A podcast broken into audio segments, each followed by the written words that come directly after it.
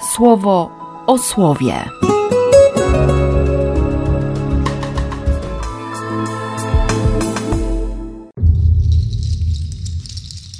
Dwudziesty siódmy lutego, sobota. Z Księgi Powtórzonego Prawa. Dzisiaj Pan, Twój Bóg, nakazuje Ci spełniać te wszystkie prawa i wyroki, zachowywać je i wykonywać całym swym sercem i całą swą duszą. Dzisiaj wybrałeś to, by On był Twoim Bogiem i to, że Ty będziesz kroczył Jego drogami, że będziesz zachowywał Jego prawa i wyroki, że będziesz posłuszny Jego głosowi. A Pan wybrał dzisiaj to, że Ty stajesz się dla Niego ludem szczególnym, po to, abyś zgodnie z tym, co On powiedział, przestrzegał wszystkich Jego przykazań że wtedy będziesz ponad wszystkimi narodami, gdyż On uczyni cię powszechnie znanym i sławnym, kimś, kim się będą chlubić, że, tak jak powiedział, Ty będziesz dla Pana, Twojego Boga, ludem świętym. Z Ewangelii według świętego Mateusza. Słyszeliście, że powiedziano: Będziesz miłował bliźniego swojego a wroga swojego będziesz nienawidził. A ja wam mówię: miłujcie swoich wrogów i módlcie się za prześladujących was, abyście się okazali synami waszego Ojca, który jest w niebie. Gdyż On swojemu słońcu nakazuje wstawać nad zepsutych i dobrych i zsyła deszcz na sprawiedliwych i niesprawiedliwych. Jeśli będziecie miłować tylko tych, którzy was miłują, jaką będziecie mieć zapłatę? Czyż i celnicy tego nie czynią? I jeśli pozdrawiać będziecie tylko swoich braci, cóż nadzwyczajnego uczynicie? Czyż i poganie tego nie czynią? Wy zatem będziecie tak doskonali, jak doskonały jest wasz Ojciec Niebieski. Dzisiaj wybrałeś to, by On był Twoim Bogiem. A Pan wybrał dzisiaj to, że Ty stajesz się dla Niego ludem szczególnym będziesz dla Pana Twojego Boga ludem świętym. Kiedy zapytają Boga, kim my dla Niego jesteśmy, On odpowie: Oni są moi. Kiedy nas zapytają, co to za Bóg, odpowiemy: On jest nasz. I o ile to pierwsze jest pewne, o tyle z tym drugim jednak mamy kłopot.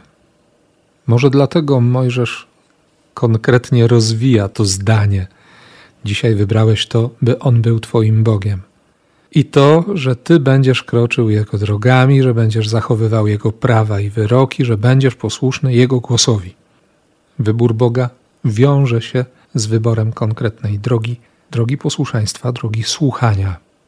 Kiedy rano o 6.30 powtarzaliśmy refren psalmu, sam miałem pewną wątpliwość i widziałem, że w siostrach było dokładnie to samo zmaganie się czy we właściwy sposób zapamiętaliśmy refren psalmu, bo większe przyzwyczajenie jest do tekstu błogosławieni szukający Pana niż do błogosławieni słuchający Pana, a ta wersja jest obowiązująca w dzisiejszej liturgii słowa. Więc część śpiewała słuchający, część szukający, i pomyślałem sobie, że te wątpliwości, ta niepewność jest bardzo dobra, szczególnie w kontekście pierwszego czytania. Mojżesz pokazuje konkretnie: kroczyć Jego drogami, zachowywać prawa i wyroki, być posłusznym Jego głosowi. Jesteśmy ludem szczególnym po to, żeby przestrzegać Jego przykazań. Słuchać, żeby wiedzieć, gdzie szukać konkretów. Szukać, żeby usłyszeć. Sprzężenie zwrotne. I właśnie ono też owocuje pewnością wartą wszystkich pieniędzy świata. Naprawdę. To jest pewność, że kiedy stanie przy nas demon, oskarżyciel i będzie robił swoje, to znaczy będzie oskarżał, będzie wypominał, bo wypomni wszystkie grzechy. Będzie nawet próbował zbić z pantałyków Boga, bo udowodni ponad wszelką wątpliwość na podstawie naszych czynów, naszych odejść, naszych grzechów, naszych słabości, naszych pożądań, naszych pomyłek, że relacja z Bogiem zdecydowanie nie bywa naszym priorytetem I co więcej, będzie sobie rościł prawa własności do nas, bo przecież wybieramy zło, czyli Jego wybieramy jako naszego Boga, to Bóg wtedy się odezwie: Nieprawda, oni są moi. Mam w głębi duszy przekonanie, że, że właśnie o to chodzi. To jest najważniejszy argument. Bóg się wtedy zobowiązał, Bóg wszedł w takie przymierze, Mojżesz je uświadomił ludowi i Bóg będzie się trzymał tego przymierza. Będzie mu wierny. Mnie dzisiaj bardzo mocno Duch Boży, mam nadzieję, prowadzi właśnie taką drogą interpretacji. Wtedy, kiedy przychodzi oskarżyciel, Bóg mówi: Nieprawda, on jest mój. Nie masz do niego prawa. I to jest piękne. Oczywiście, może też zdumiewać ta pokora Boga. On tak kocha, że nie zmusi do miłości. I chociaż perspektywa odrzucenia wydaje się być co najmniej niepoważna i raczej dziwi fakt rezygnacji z takiej miłości, to, to przecież się na tym łapiemy, nie? A On ciągle przebacza. On ciągle mówi, że jest naszym Bogiem. On ciągle mówi, że Ty i ja jesteśmy Jego. Choćbym był nie wiadomo jakim recydywistą i choćbym nie wiadomo ile razy wracał w kierunku miłosierdzia, to On naprawdę kocha.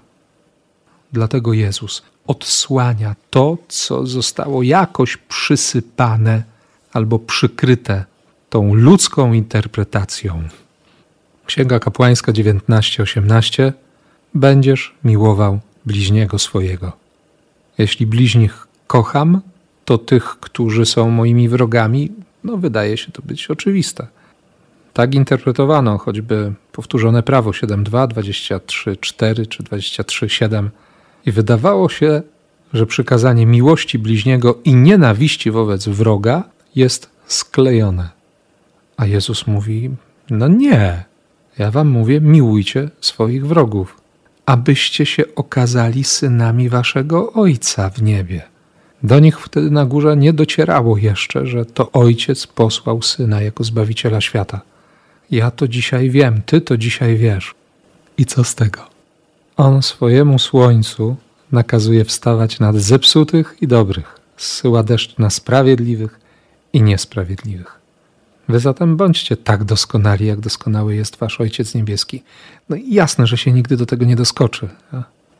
Ale Jezus mówi o doskonałości w miłości i w miłosierdziu.